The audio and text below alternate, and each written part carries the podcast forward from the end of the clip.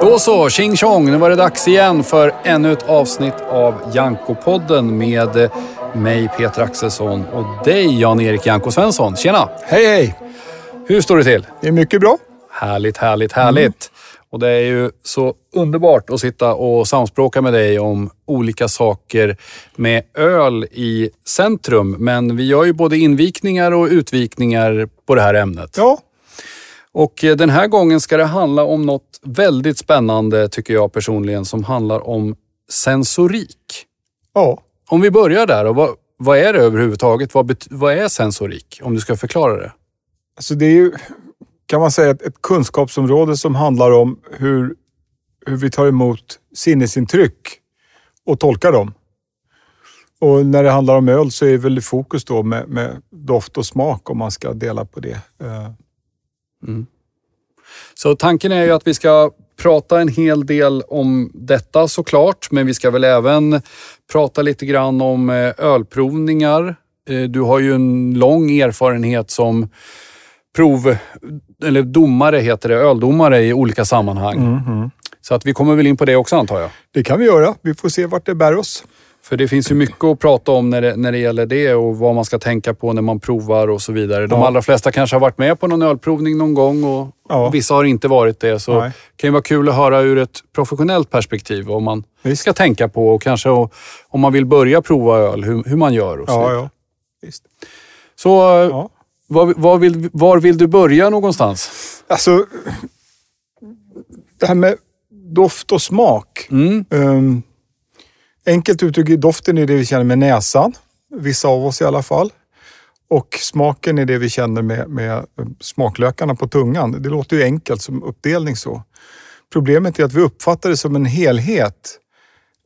Jag har under senare år sett skrivet i Sverige i olika sammanhang att vi saknar ett, ett begrepp som engelskans flavor som uh, mm. tar in liksom, det här helhetsintrycket av doft och smak. Mm. Um, och där är på något sätt viktigt att hålla i huvudet att, att det samspelar. Att, att vi pratar ofta om smak när vi menar doft. Och, och Sen kan man fråga sig i praktiken, är det viktigt att dela upp det? Ja, det kan vara viktigt på ett sätt. Men, men uh, samtidigt är det ändå helhetsintrycket som är viktigast på något sätt. Då. Ehm, sen vill jag lägga till um, något som kallas för somatosensorik.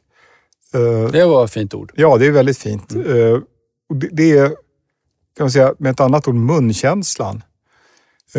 vilket också spelar in där. Är, är ett öl bäst eller är det strävt?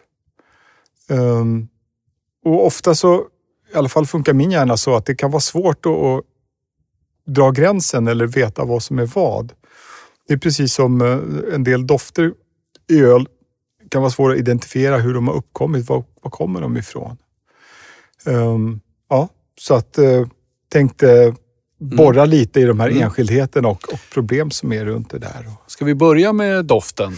Ja, alltså doften är ju det som är viktigast för nyanser. Uh, smaker är ju som sagt det man uppfattar med smaklökarna och det ska vi fördjupa oss i hur mycket det är. Men det, det, vi har inte så många olika smaker. Om vi har fyra eller åtta, det är en smaksak. Um, ja, men, men dofterna är, är liksom... Eh, det är det som ger en specifik karaktär åt någonting och, och vi uppfattar det som smak. Och Det som är speciellt med näsan, de här doftreceptorerna i näshålan och hur det bearbetas, det är att eh, det enda sinnesintryck vi har som inte passerar en sorteringscentral i hjärnan som heter talamus. Som ligger i mellanhjärnan. Utan dofterna går direkt till något som kallas för limbiska delen av hjärnan. Som hanterar känslointryck. Och därför upplever många att dofter är svåra att, beskriva, och återge och, och, och förklara och kanske svåra att komma ihåg också. Men eh, det är väl liksom en viktig grundförutsättning, tänker jag, att, att man lär sig hantera det och förstå hur man fungerar och försöka associera. Många gånger så när jag hör ölprovare associera så hamnar de väldigt rätt när de tänker spontant utifrån känslor. Och det, det kan vara ganska lätt om, om, man sitter med en frimodig skara i alla fall och utveckla det. Eh, mm.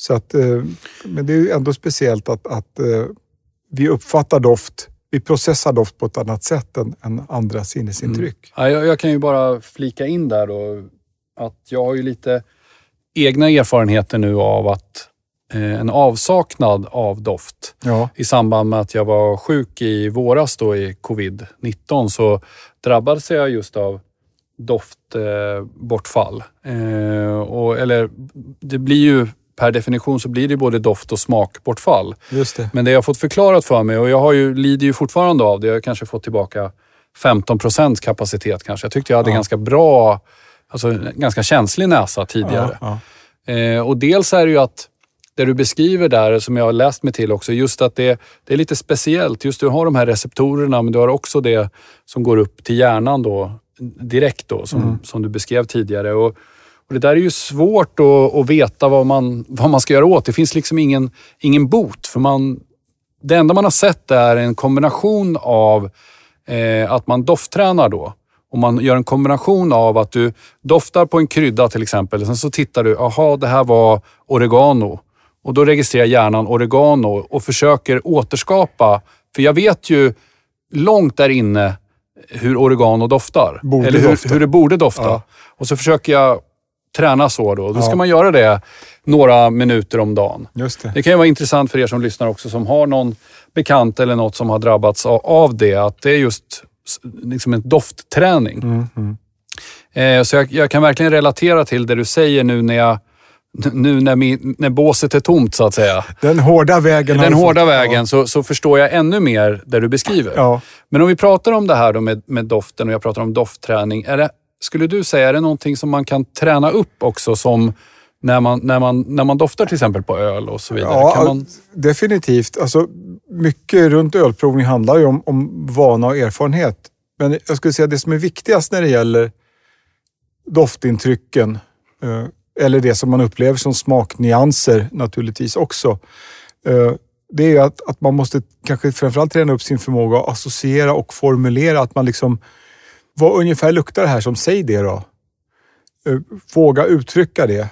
Jag är ganska snabb när jag provar, för jag vet att jag ganska snart har uttömt vad jag själv kan komma fram till. Sen vill jag lyssna på andra, men det behöver inte vara liksom, om man är osäker på, luktar det honung eller kola eller jordgubbssylt?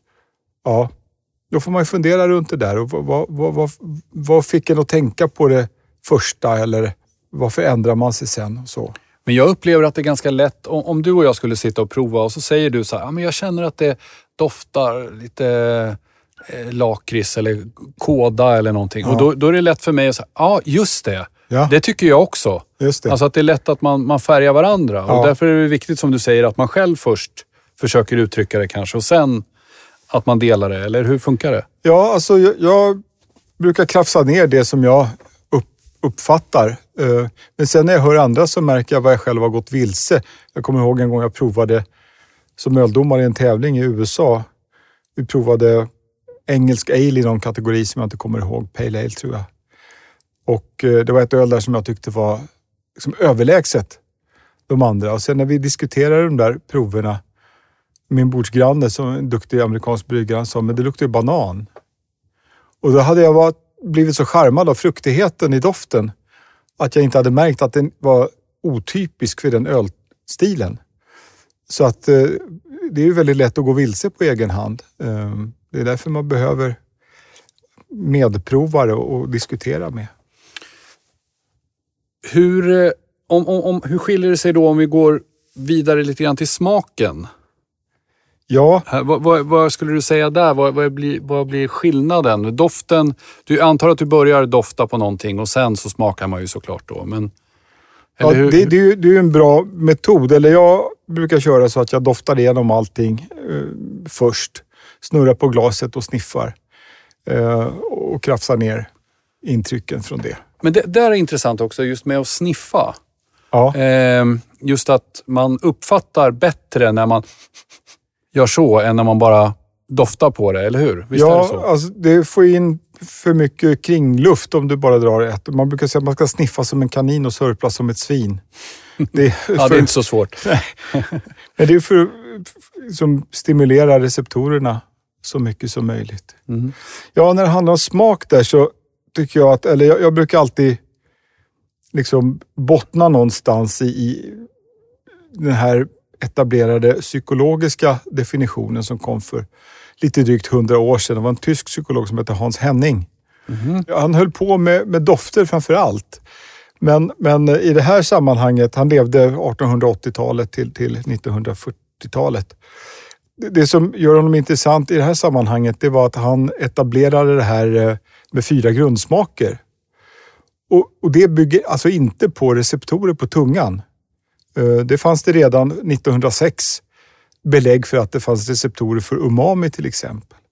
Utan han motiverade sin uppdelning psykologiskt, alltså hur vi uppfattar smaker associativt. Eh, jag har själv varit med och gjort eh, faktiskt psykologiska experiment mm -hmm. som var, kan man säga, lite liknande det som Henning höll på med. Vi skulle prova ur små plastmuggar bittra vätskor så skulle vi översätta det till smärtförnimmelse och, och använda en 9-gradig skala. Det var en kompis till mig som höll på att doktorera då och eh, det var då jag kom på att jag var non-taster. Mm -hmm. uh, ungefär en fjärdedel av befolkningen känner beska smaker mycket mindre än andra. Mm. Den typen av beska som finns i det vita innanför grapefruktskal, det känner inte jag alls. Och man uppfattar sötma lite mindre också än andra. Kanske där, därför är det gott att äta mycket choklad, tänker jag ibland. du skyller på det i alla fall. Ja, precis. Ja. Mm. Men då, de där fyra grundsmakerna, det är sötma, sälta, syra och beska. Och, och, att de är psykologiskt betingade och associativa, det är att vi använder dem som liknelser i andra sammanhang också. Liksom en, en, en söt kattunge, en, en, en bitter gammal man, en sur kamrat och så vidare. Vi behöver ingen närmare förklaring. Vi, vi, eh, vi kopplar någon form av tillstånd till det och det där är också fundamentalt i att, att eh, mm, livsmedel som är, är bra för, för, oss som jägare, samlare, det vill säga med mycket energi, de är ju söta ofta. Eh, det, det vill vi ha. Giftiga saker är ofta beska och det tycker vi är mer krävande då. Men om man tittar då på smak eh, Alltså hur man har uppfattat smaker tidigare. Vi har ju pratat i tidigare avsnitt om Aristoteles och han jobbade med sju smaker. Mm. Det var sötma och det var beska, sälta, syra. De fyra. Mm. Oljighet, fränhet och skarphet. Mm. Det kallade han för smaker. Eh, allt det går ju inte att uppfatta av eh, eh, smakreceptorer på tungan, utan en del av de här är ju då sådana här munkänslig grejer. Jag tänker på pepparmintskyla, mm. hetta från eh, chili eller tabasco. Det är ju inte smaker direkt, men det är ändå mm. en sorts sensation. Mm. För det kan man ju säga, där, i mitt tillstånd då, så sånt lever ju kvar. Alltså hetta, mm. eh, om du pratar om eh, mint, alltså den lite kylande käns känslan. Eh, även, även viss beska faktiskt. Visst. Känns som lever kvar och även alltså sötma, de här grundparametrarna ja. finns ju där Visst. fortfarande. Absolut. Det är ju mer den här finkänsligheten och det som, ja, som du kallar för eh, eh flavors då. Ja. Alltså det är svårt, alltså den här finkänsligheten. Ja, det var väl näsreceptorerna som tog exakt, stryk helt exakt. enkelt. Men smaklökarna på exakt, tungan exakt. funkar. Ja. Och då om man tittar på vad man har kunnat belägga vilka smakreceptorer vi har på tungan så förutom umami som jag nämnde som då är, är um, ja, natriumglutamat, typ alltså smakrikedom, det vi upplever i saltade tomater eller stekt svamp eller i en rejäl biff. Eh, som en smak, även om den inte alls är lika självklar som sötma eller syra då. Så finns det, jag vet inte om det finns enighet bland forskarna, men man har diskuterat metallisk smak som en grundsmak, att det finns receptorer för metall att det finns receptorer för alkalisk smak. Alltså mm. precis som det finns för sur så ska det finnas för basisk smak. För fett eventuellt och för kalk. Jag tror mm. möss känner fett som en smak till exempel. Mm. Så där får man väl se. Jag vet inte hur viktigt det är heller. För att eh, som sagt eh, avgränsningen mot det somatosensoriska. Är det beskt eller strävt? Kryddigheten från eh, den kalla pepparminten eller den heta chilin. Eh, det är på något sätt helhetsintrycket som, som vi ändå har att, att brottas med där. Mm. Jag vet inte om det är en bra liknelse, men jag brukar tänka på helhetsintrycket av, av ett öl som en lök. Apropå, jag är väldigt känslig för svavellukter. Ja. Jag, tänkte, jag tänkte först på att det var lager på lager, att du gillar att dricka många öl. det stämmer kanske också. Ja, förlåt. Ale ja. på ale med för den ja, delen. Ja. När jag började prova öl, då kände jag bara helhetsintrycket. Eh, någonstans så lär man sig ofta ganska tidigt då att urskilja humlebäskan. Mm. Men sen med åren så har jag kunnat liksom skala av löken och komma allt längre in. Men även om jag håller på med det här i, i drygt 30 år så är fortfarande merparten av helhetsintrycket av ett öl är liksom ospesat lök.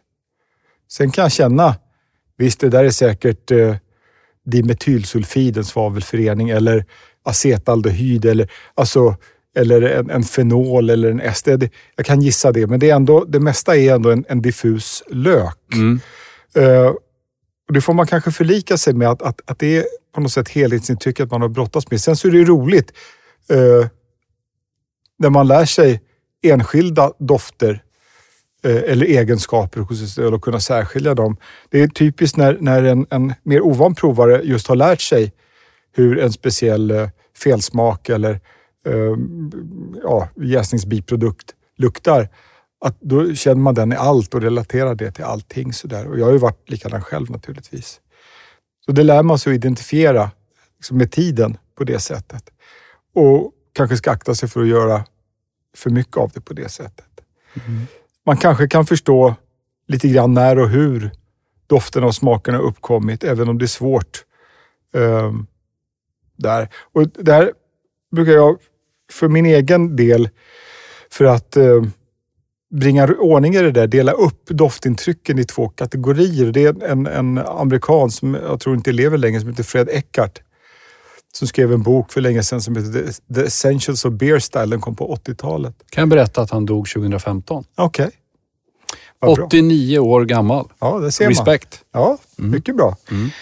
Uh, han delade upp doftintrycken i det han kallar för arom och det han kallar för bouquet. Mm. I vinprovarvärlden så pratar man ofta om såna primärdofter och sekundärdofter och sånt.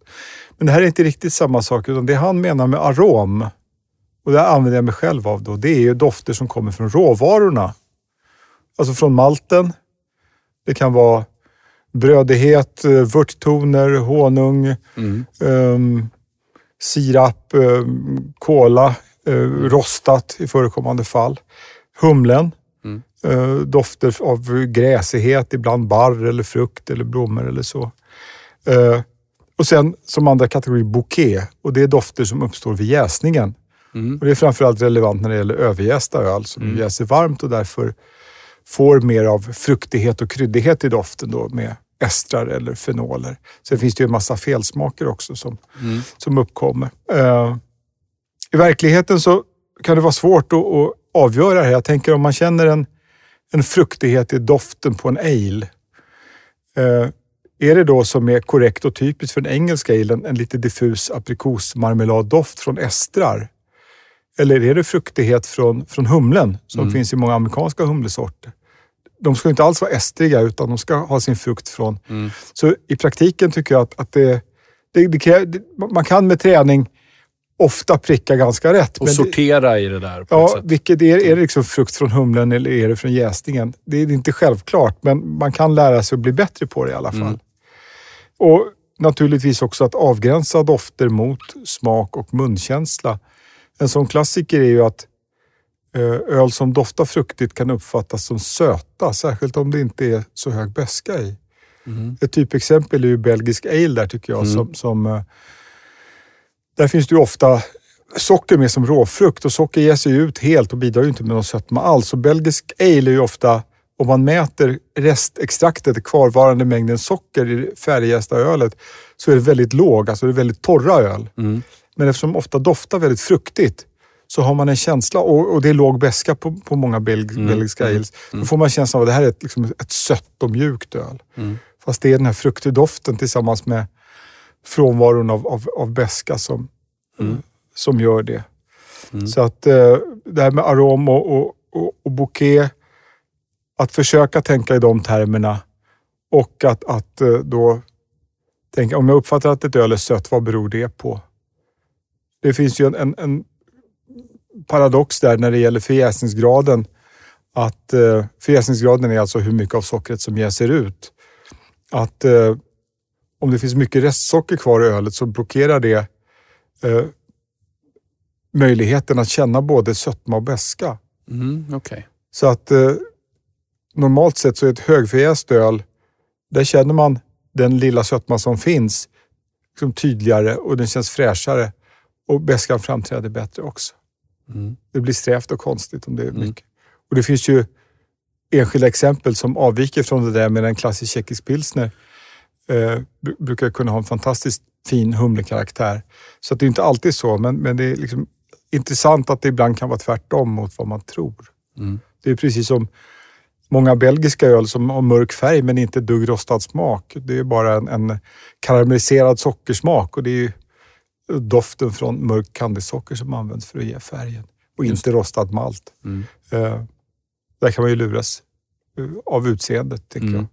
Därför borde man kanske prova i ogenomskinliga glas egentligen. Mm. För där, ja, vi kommer väl till det, men det är också ett intryck, synintrycket. Ja, både syn och hörsel är ju Ja. i- inte oviktiga liksom, när man öppnar en förpackning. Hur mycket pyser det? Och det är klart, jag, jag hade, jag hade en, en studiecirkel för många år sedan åt, åt eh, ett synskadat gäng. Eh, och det var roligt för där blev det helt andra diskussioner om vad de trodde om färgen på ölet. Och, och, och jag kommer ihåg en provning, en provningsflight vi hade. De skulle gissa det mörkaste och det ljusaste ölet i, provningsomgången. Och det de gissade var mörkast, det är en, ett belgiskt veteöl som heter Hogarden som är Mm. väldigt blekt. Däremot så är det kryddat med, med koriander och apelsinskal och på något sätt så bidrog det till någon sorts mörk känsla. Så det trodde de var mörkast. Och det de trodde var ljusast, det var ett, ett bayerskt veteöl som heter Erdinger Weissbier Dunkel. Eh, och där är förmodligen inslaget av rostad malt så försumbart Mm, väldigt, väldigt lätt. ja. Ja. Att andra egenskaper dog över. Så det var... Ja, men det har jag hört eh, folk som är duktiga vinprovare som hävdar att provar du vi- vitt och rött vin mot varandra Ja, i, med samma temperatur, just det. Jättesvårt att säga om det är rött Ja. eller vitt. Om du, om du nu inte då känner vad det är för exakt vilken sort det är och så vidare. För en, för en ganska den standardprovaren så är det svårt. Ja, och jag, jag tror även om du... Jag menar, om, jag, jag känner igen direkt en Sauvignon Blanc. Särskilt om det står Sancerre på etiketten. Alltså, eh, man brukar säga att en snabb blick på etiketten säger mer än 20 års erfarenhet. så att, eh, Ja. Man behöver inte ha så mycket information för att hamna någon helt annanstans. Men det finns väl något, eh, något, säkert något fint begrepp för det där också. Att när man har en, vad ska man säga, en förutfattad mening om Ja. vad, vad det ska vara eller vad man ska känna. Ja, Om du till exempel om du, du ser vad det står på etiketten och då vet du vad som komma skall. Ja. Lite grann. Det finns väl något begrepp för det antar jag. Eller jag Ja, vet ja, inte. Men, mm. men, men du förstår vad jag menar? Ja, jag att om, om man provar och, och jag säger så här, du vet det här är där och därifrån och det, du vet, det är gjort av den och den. Eller jaha, då, mm, ja, då, det här kommer att vara bra. Eller det här kommer nog inte vara någon höjdare. Jag har varit med om det många gånger faktiskt. Eh, förstås framförallt tänkt på att andra reagerar så för man vill själv vara bättre. Men jag är själv säkert likadan också. Men just att folk, kanske de som har hällt upp i en ölprovning där man själv provar blind, de vet ju vad det är och säger ja, men det här är ju underbart, känner ni inte det? Nej, jag tycker det var tråkigt, tungt, själlöst. Jo, men det är ju ett berömt bryggeri och hit och dit och det är klart man präglas av det. Ja. Liksom. Ja, Så det är är därför man kan fuska på vinaktioner och sådär också. Tänkte, eh, man kan ju nämna felkällor också. Ja. Eh, Alltså, vad, vad är det som gör att man går vilse? För vi har pratat rätt mycket om det här att, att eh, på ett sätt så är det lätt. Man ska lita på sina intryck, våga formulera sig och våga prata med sina provningskamrater. Det är ju viktigt. så. Men vad, vad är det man brukar gå, gå vilse? Och förväntan, det har vi pratat om nu. Det är ju liksom en, en viktig Mm. sån faktor. Det minsta lilla du vet så är det kört. Liksom. Då, då, eller så får man räkna med att man måste kalkylera med den. Och det får jag bara säga där med Ja. förväntan. Även om du provar blint så kan det ju vara så att du ganska snabbt har en, ah, det här måste vara det här ölet. Ja, ja. Eller hur? Att Eller man, den här öltypen i alla fall. Ja, men att man, och att man då tankarna vandrar vidare redan där. Att man kanske inte är i nuet utan man har en, då har man en förutfattad mening redan då. Ja, ja, visst. Så kan det väl vara? Ja, de som man inte har fått sig levererade, de skapar man snabbt själv. För Mm. man vill ju, man, man famlar ju efter orienteringspunktet Precis. någonstans. Ja. Liksom. Sen då, en annan psykologisk faktor, det är som st- stimuli hur ölglasen ser ut, hur, hur ölet uppför sig i glaset och, och som hur, hur det ser ut. Oftast provar vi ju genomskinliga kärl, även om det är liksom isoglas likadana eller ölprovningskuper eller vad det nu är. Så, så ger ju ölets Alltså om, om, det är, om man provar ljusa öl och äter lite mer gyllene, och tänker man att det där kommer vara maltigare. Det kan ha lite bidofter kanske som en tjeckisk pilsner med lite äpplighet eller smörighet. Det skulle inte förvåna. Eller att det är tyngre maltkaraktär och sådär. Och då kanske man läser in det. Dum fråga där, men Ja. har du alltid liksom ditt glas när du provar eller provar alla i en tävling med samma sorts glas? Ja, alltså alla provar med samma sorts glas. Det är genomgående så. Oavsett om det är Svenska ölfrämjandet har ju sitt provningsglas. Eh, På World Beer Cup provar man i plastmuggar. Eh, Alla likadana. När jag provar ensam så är det olika förstås. Hemma. Och på Stockholm Beer and Whiskey Festival när vi provade också alla har liksom samma glastyp.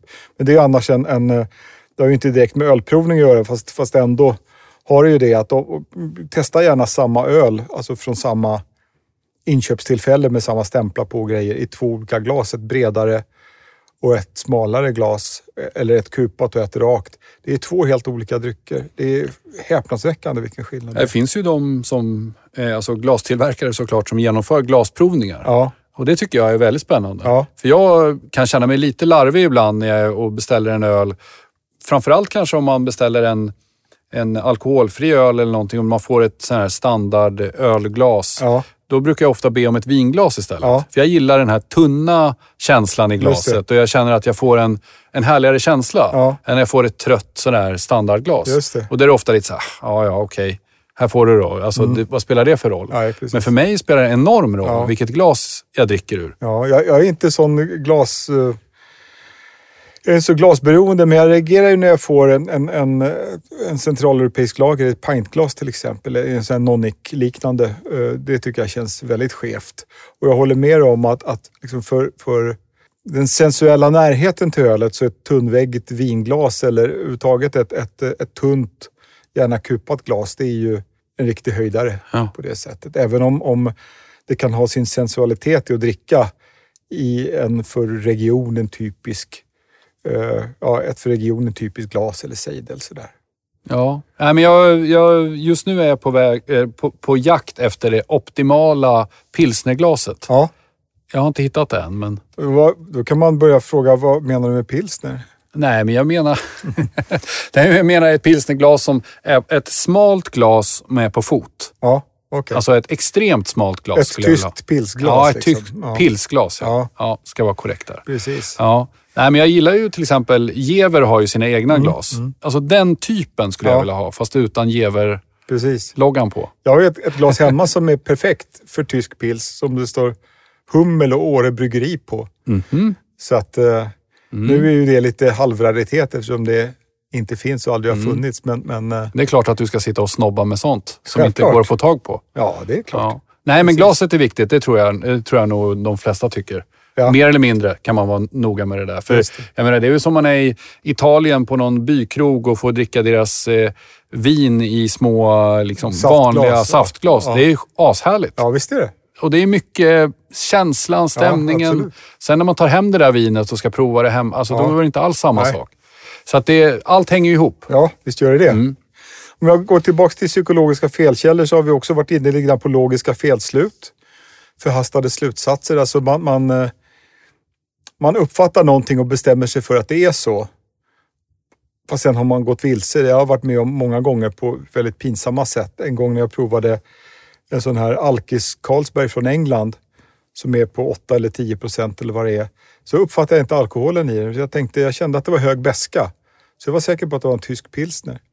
Då hade jag gjort ett logiskt felslut för jag var liksom blind för alkoholen just det tillfället. Men är det därför det är så viktigt att, att man är flera när man bedömer öl? Så att säga? Ja, att man kan då ha den kan man korrigera varann. Men kände du inte det? Men det stämmer ju inte alls. Eller? Ja. Det, Mm. det är väldigt viktigt. Sen då ordningsföljden kan ju påverka psykologiskt. Många räknar med att det är klenare öl i början och kraftigare sen. Eh, ofta så, så graderar man de som är i mitten på en provningsomgång. Ger man högre betyg än i början och slutet av någon anledning.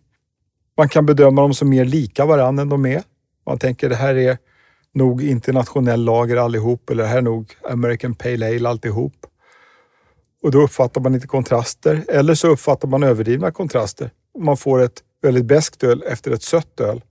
Eller man uppfattar det som väldigt beskt fast det är inte så jättestor skillnad. I, i Jag har ju jätteproblem att, dricka en, eh, en... Om jag har druckit en IPA till exempel Ja, och så dricka en, en, eh, en lager direkt efter. Ja. En mer klassisk, eller en pilsner och så Ja. Jag vet, jag har varit med om det flera gånger att jag har bjudit någon på det som har druckit och så ska du druckit en IPA. ja, Och prova den här, den är jättegod. ja.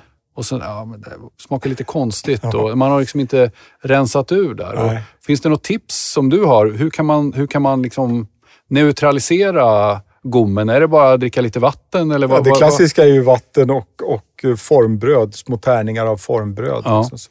Och det är också ett problem psykologiskt där att, att man når ju en viss grad av uttröttning om man provar mycket.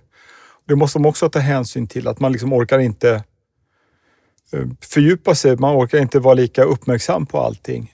Utan man drar fler och fler av de här förhastade slutsatserna. Så. För, för där tycker jag, det är många bryggerier som gör det och det är en trevlig sak när man får en liten sån provbricka Ja. med ja, tre, fyra, fem öl så att säga. Men jag har enormt svårt för det. Ja, För jag tycker ofta de ställer ner den här brickan och så kanske man inte riktigt eh, informerar i vilken ordning man ska dricka det och så vidare. Och så ser man folk dricker lite hej vilt och det blir ju bara ett Just det. mischmasch. ja, Det är ju sån disrespect mot de här visst. otroligt härliga brygderna ofta. Alltså, ska man göra det, då måste man ju göra det på rätt sätt. Annars är det ju totalt värdelöst. så det är tänkt också. Det är många gånger jag har provat med, pratat med provare eller ölfolk överhuvudtaget att öl är ju liksom gjort att tänkas och drickas ett eller två glas. Hela glaset och det har vi säkert båda upplevt att eh, eh, man uppfattar ölet helt annorlunda mot slutet av glaset än i början. Så att det, det man gör vid en snabb jämförande provning, det är bara man skummar på ytan verkligen bokstavligen på det sättet. mm. Men i alla fall det här med, med fatigen, tröttheten är ju en sak att ta hänsyn till. Andra provare, om de uh, smackar med munnen eller himlar med ögonen eller suckar eller flinar. Allt sånt där är liksom, eh, det är bra med pokerface.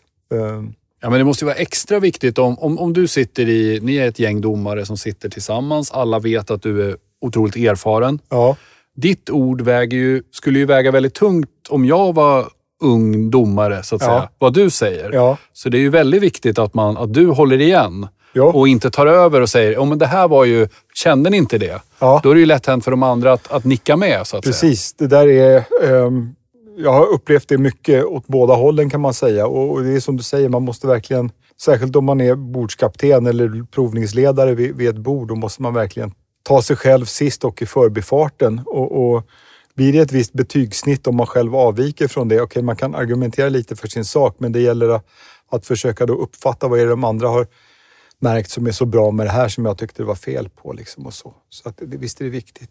Och där kommer man in då på personligheten också som en psykologisk faktor. Det är, har, har man lätt för att uttrycka sig? Jag, jag, har, jag provar snabbt och jag har lätt för att uttrycka mig. Och det är inte för att jag har facit utan det är för att jag ganska snabbt uttömmer vad jag kan. Men sen måste jag diskutera med andra. Andra kan sitta och leta jättelänge efter, alltså prova tre gånger så länge som jag. Så att där är också, alltså vi är olika när det gäller det. Men det viktiga är ju ändå att det blir en diskussion efteråt och att alla kan bidra med någonting Mm. där då. Mm. Sen finns det då mer, kan man säga, fysiologiska felkällor. Mm. Vi har pratat lite grann om tillvänjning, att man blir liksom van vid ölsmaken. Första bärsen smakar ju alltid mest. Mm. Trick är ju att skölja munnen med lättöl innan man börjar så man får bort liksom croissangerna och kaffekrämen från frukosten. Eller vad man nu har, Fisherman's Friend och snus har jag oftare. Mm. Och sen det här vi pratar lite om, det är ju inte bara en psykologisk effekt, det här med kontraster. Alltså, om kontrasterande öl är bredvid varandra, uppfattar man den skillnaden som överdrivet stor eller minskar man den? För mycket. Det kan gå åt båda hållen där. Så. Och sen naturligtvis också att olika egenskaper hos ölet kan förstärka varann.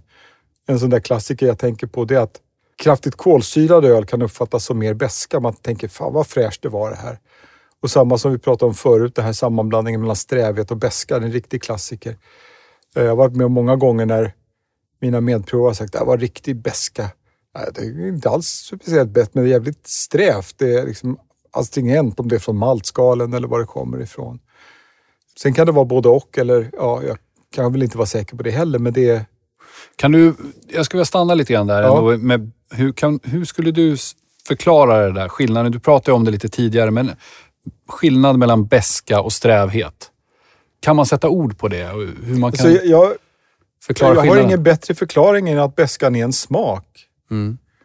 Och Jag tycker då att ett, alla öl, även jättebeska öl, ska kännas mjuka i munnen. Mm. De ska vara mjuka. Det ska inte finnas strävhet i dem. De får gärna vara väldigt beska. Ha en kraftig besk smak. Strävhet är ju mer... Det är ju lättast om man kanske har provat vin och, och unga cabernet sauvignoner eller alltså den typen så man blir svart på tungan av eller på det sättet. Eller kaffe. Mm. har ju också både beska och strävhet i sig. Så att, ja, det är svårt, men om, man tänker sig idealet hos ett beskt öl, att det ska vara helt mjukt, men får ändå vara rejält beskt, då, då mm. kan man jobba ja, åt det hållet, tänker jag. Mm. Sen brukar jag tänka på, för att inte gå vilse, det här märker jag ofta med, med när jag har föredrag med provningar och sånt där, att, att eh, när provarna har lärt sig associera till sina dofter på ett... De plockar ur sin känslomässiga erfarenhetsbas och säger att ja, det här luktar som i mormors skafferi och sådana saker. Det är några saker som man måste hålla i huvudet och alltid komma tillbaks till för att inte gå vilse. Och det, jag frågar alltid, ja, vad tyck, är det fylligt eller högfräst? Alltså fylligt eller torrt? Är det hög eller låg beska? Känner ni jäsningsbiprodukter, alltså frukt och kryddighet, eller inte? Hur är det med alkoholen? Låg, medel, hög? Framträder den på något sätt? Finns det smak av högre alkoholer, alltså så här Dr. Pepper, Björnklister? Mm. Så det är en hel del vana att komma ihåg i det där. Men, mm. men eh, när man har lärt sig associera och prata om dofter så kan det vara lätt att glömma de här basegenskaperna. Så de måste man alltid komma tillbaks till. Men jag tänker också, du nämnde den gode Fred här tidigare, ja. Eh, öljournalisten. Det var väl också så att han eh, skapade ett gemensamt språk för hur man kan, hur man, alltså hur man kan associera till det. Ja. För jag menar, när du säger så här, ja, det doftar som min farmors skafferi. Ja. Det är ju svårt för mig att veta ja. vad du menar. Just det. Sen är det viktigt med sina egna associationer, men mm. eh, det borde också finnas något gemensamt språk så att alla förstår vad man mm. menar, antar jag. Ja, det är begrepp man brukar använda i vetenskapen där det inte går att uppge, alltså, uppnå någon sorts objektivitet. Alltså objektivitet finns väl kanske bara i matematiken mm. Eh, eller i naturvetenskaperna ska vi säga. Mm. Man kan mäta och jämföra på det sättet. Uh, annars så brukar man pra prata om intersubjektivitet. Mm. Det vill säga att du uppfattar det på ditt sätt och jag uppfattar det på mitt sätt. Men när du känner estrar i ett veteöl så säger du banan eller isoamylacetat och det gör jag också. Fast du tycker att bananer luktar som skumbananer och jag tycker att det luktar som uh, gröna pisanger när jag mm. var i Indonesien, mm. vilket jag aldrig har varit. Men mm. på det sättet. Mm. Så att uh, jag tycker det är svårt att bedöma om ölprovningar har utvecklats åt ett gemensamt håll. Är man ett gäng som provar gemensamt, som de certifierade domarna i hembryggningssammanhang i Sverige till exempel, de utvecklar ju mer och mer ett gemensamt språk och där det är en fantastiskt hög nivå tycker jag på de provningarna. Eh, men sådär i allmänhet så tycker jag inte att det, det, det, det är så självklart vilka termer man ska använda. Det finns ju vissa som är väldigt omdebatterade eller kritiserade, just termer som vinös till exempel. Mm. Mm. Eller ska man säga att ett öl är fylligt eller ska man säga att det har stor kropp? Mm. Alltså, vad, vad, är det samma sak eller vilket blir tydligast? Mm. Uh, och därför ändras ju domarprotokoll och sånt där över tid. Det är ju en process kan man säga. så. Annars kan man säga att ölprovningen då som, som det finns idag har byggts upp från två källor primärt. Det ena är att man lånar termer och så från vinprovningens värld. Och det andra är från analyser på bryggerierna. För bryggerierna har ju varit tvungna att göra liksom, sensoriska analyser för att se, håller det så här inom normen? Kan vi tappa det på flaska? Är det Tuborg guldsmak på det? Liksom? Och då är det vissa parametrar som ska inte bara mätas utan också vara uppfyllda i doft och smak enligt de kriterier som man har ställt upp. Då. Och det är någon sorts eh, kombination av de där två som har utvecklat eh, och det är framförallt i Sverige då inom hembryggningsdomarna som har gjort det. Mm. Det, det finns ju i olika sammanhang olika typer av protokoll, även i tävlingar i olika länder och, och sammanhang. Så det är inte heller egentligen någon sorts eh, global norm egentligen. Jag själv när jag provar använder aldrig protokoll. Inte? Inte när jag provar ensam. Nej, nej, nej. nej. Utan jag använder fritext. Men jag, jag påminner mig om, jag, jag, vet ju att jag får med allt som jag vill ha med så att säga. Men när du dricker ett öl du aldrig har provat, Mm. för du anteckningar som du sparar hemma och så vidare? Om det? Ja, inte lika noga nu som tidigare. Men eh. I princip. Alltid när jag är ute och reser eller ja, det är något tema. Man får hem en låda från något land eller sådär. Mm. Så. Är det något du rekommenderar alltså, om man vill fördjupa sig lite grann i... Man måste skriva ner. Om man, om man vill lära sig att prova öl eller förstå hur öl doftar och smakar. Det är ju liksom en, en intellektuell och analytisk process. Det är ju huvudet man jobbar med. Så att eh, man måste förlika sig med att, att det är hjärnan tillsammans med då det här limbiska känslopjunket som doften bidrar med som du får återerövra Mm. nu. Jag ser framför mig de här, de här schackmästarna som sitter och, Ja. och noterar olika drag och olika saker. Att man noterar hela tiden. Man, man har liksom alla partier sparade, man kan Just gå det. igenom det och så vidare. Det är det jag ser framför mig när du, när du sitter och antecknar dina... Ja, för jag tittar ju ganska sällan på de här anteckningarna, men det intressanta är åtminstone när jag var yngre, jag kan komma ihåg öl som jag provade i mitten på 90-talet. Just för att jag skrev ner intrycket. Mm. Och ganska ofta när jag provar samma öl igen, kanske efter 10 eller 20 år, och gör en anteckning, sen jämför jag så ser jag att ja, ölen kan ju ändras, men, men ganska ofta så har jag skrivit ungefär samma sak. Det är lite kul. Ska vi eh, gå in på lite grann när det handlar om att, att, att, att, döma öl just? Ja, på olika typer av tillställningar. Du har ju lång erfarenhet och dömt både på många ställen i Sverige men också även utomlands. Ja. Och när jag funderade inför den här inspelningen som vi har nu så kom jag fram till, grovt sett i alla fall, att jag, jag provar öl på fyra olika sätt eller har provat öl på fyra olika sätt. Och det ena är då när jag provar själv.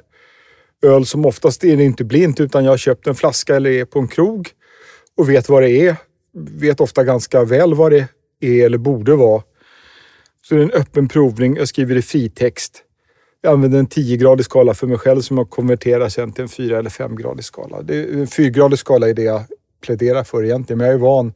Jag använder när jag är nykter från 3 som är defekt till 7 som är bra. Sen 8, 9, 10 det är ju sådana här ja, hurrarops Mm. poäng liksom. Du brukar uttrycka det som att du evaluerar. Ja, Det är ett fint ord tycker jag. det är fint. Det, det, man måste göra sig märkvärdig. Ja, Ja. det är viktigt. Det är viktigt. Sen i alla fall, det som jag kanske tycker är det roligaste, eh, eller en av de roligaste sammanhangen att prova, det är med certifierade domare på hembryggningstävlingar här i Sverige.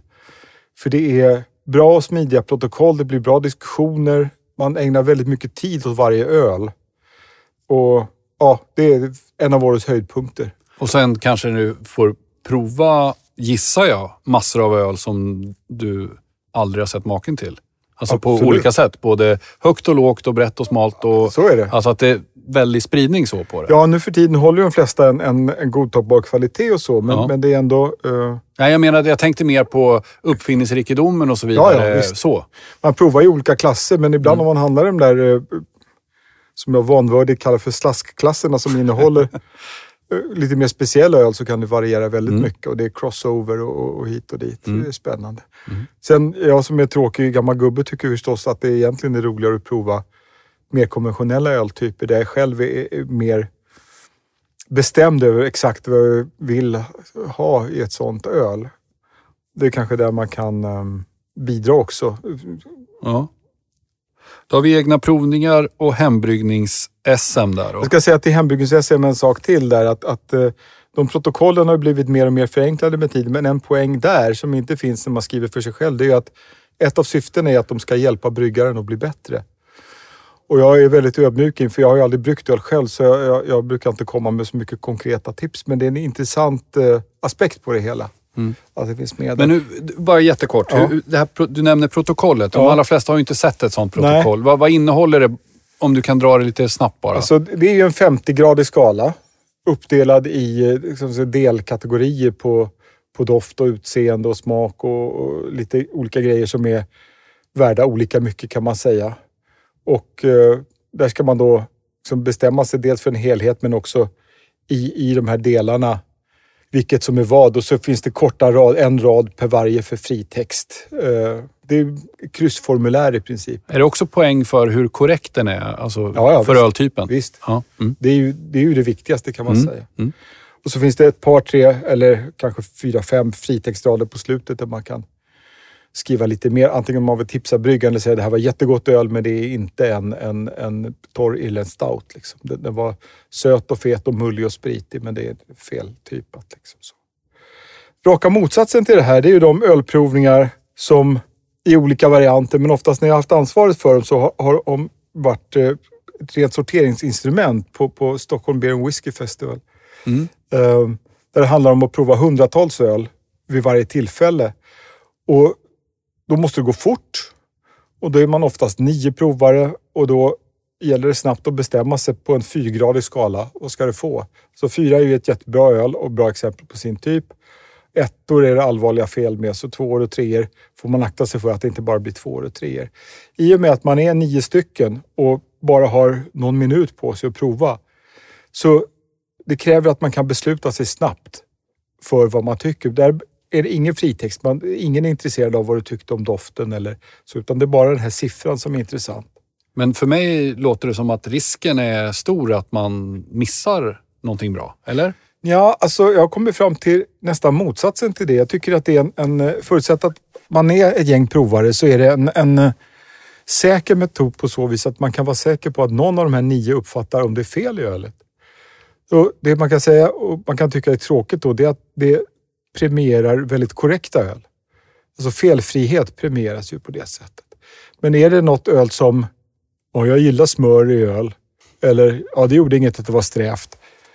De kommer ju inte så högt. Alltså de som innehåller något som andra uppfattar som fel. Så. Jag är väldigt förtjust i det sättet att prova. Det är helt unikt. Jag har aldrig hört talas om det. Det brukar vara med internationella domare som är vana vid helt andra provningar.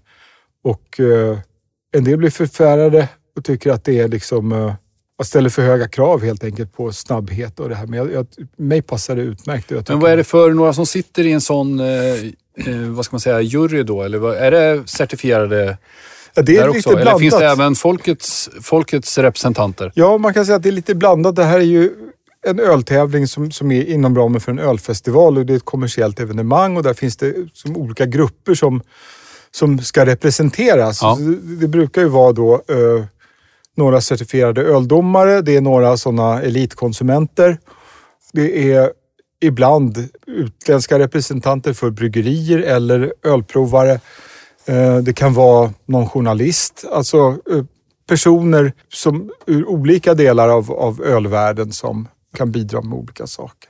Så det, jag tror det är viktigt för den tävlingen att liksom folkets röst inte kommer bort. Inte heller i domartävlingar, att det inte bara är certifierade domare. Där kan jag som huvuddomare de gånger jag varit det tycka att det på ett sätt skulle ge ett, ett resultat som kanske mer överensstämde med min egen smak om jag hade bara certifierade domare med. Men nu det, är ju, det här är den typen av tävling och då tycker jag den här metoden har varit väldigt rolig att jobba med. Den fjärde eh, varianten av dömning, det som då har utvecklats framförallt med USA som mönster och som är norm i internationella tävlingar. Det, det är för det första då oerhört många kategorier. Det brukar vara drygt hundra ölstilar, så att det är många domare inblandade. Och då dömer man såklart inte i alla stilar? Nej, utan... man dömer kanske omgång tre i typ 26. Ja. Eller så dömer man en omgång som ett annat bord har sorterat ut dagen före. Mm. Och så har man en finalomgång. Jag har svårt för dem. Alltså det är jätteroligt att träffa massa bryggarkändisar och ölpersonligheter och det är liksom eh, världens catwalk på, i ölhimlen. Framförallt om man gillar bryggerier som är lite mer framåt och, och vill visa sig i de sammanhangen. Men, men det är lite halvöppet. För alla provar tyst först och skriver i ett ganska enkelt protokoll. Men sen brukar det gå till så att man liksom eliminerar öl. Och då är det så att de som är coolast vid bordet, deras röst väger väldigt tung. Om det är någon som är väldigt känd mm. personlighet så, så blir det ju som den vill oftast. Mm. Eh, och jag har varit med om många gånger i de sammanhangen att jag har eliminerat öl som jag gärna vill ha kvar. Och då får man ju argumentera för sin sak naturligtvis. Men eh, det är också, apropå psykologiska faktorer, om, om jag i, i svenska sammanhang är den stora fisken i det lilla akvariet, så är jag en liten spigg där. Det är ingen som vet vem den där konstiga tjockisen som inte jobbar på bryggeri är. Så att eh, eh, man blir inte lyssnad på om man inte är känd. Eh, och är man van att bli lyssnad på så är det en kanske sund kontrast ibland, men det, det, eh, det hade varit roligare att kunna bidra kan jag tycka mer med diskussioner där och det blir lite för mycket av psykologisk påverkan tycker jag i den här elimineringsprocessen. Men de har utarbetat det här systemet och är nöjda med det för de syftena den tävlingen har. Så att eh, ja, det är fyra olika sätt att döma. Mm. Och så den viktigaste frågan av alla. Spottar man alltid när man provar öl? Uh, jag spottar alltid. Inte när jag provar själv eller ute på resor, men när jag tävlingsprovar. Uh, eller om någon har bett mig att testa deras öl som de har bryggt hemma eller på ett bryggeri. Alltså om jag ska göra en, en äkta evaluering på det sättet. Jag spottar alltid. Jag gjorde inte det från början, men jag lärde mig det. Um, med tiden. Att, att vinsterna med att spotta är så mycket större. Det finns ju en fördom om att man känner bäskan vid tungroten och om man inte sväljer öl så känner mm. man inte bäskan. Och det sa man allmänt eh, runt 1990 där. Men någon gång under 90-talet så började jag spotta och eh, jag har aldrig ångrat den vägen. Nej, du håller mycket längre. Det är inte bara det att, att man håller sig nykter. Det är också det att eh, man inte sliter på, på bäska receptorerna lika mycket. Och det, alltså det, det finns smaklökar över hela tungan som känner bäskans intensitet. Men jag är ganska ensam om det. Det finns en del andra svenska provare som spottar. Men när man sitter internationellt till exempel och frågar om så här, är du diabetiker? Ja, det är jag i och för sig, men det är inte därför jag spottar. Så där, alla sväljer uh, i de sammanhangen. Mm. Så det, det, vad jag känner till så är det jag och uh, några till svenskar som alltid spottar. Jaha. Mm. Jag, trodde det, jag, jag, trodde du skulle säga så här, ja det gör alla alltid. Självklart. Nej. nej. nej. De flesta sväljer. Gött! Ja. Kul! Nu blir man sugen. Ja, nu blir man sugen på att evaluera ja, lite grann. Precis. Vi går väl iväg och gör det tycker ja, jag. Ja, vi gör det. Ja. Mm. Hej! Hej!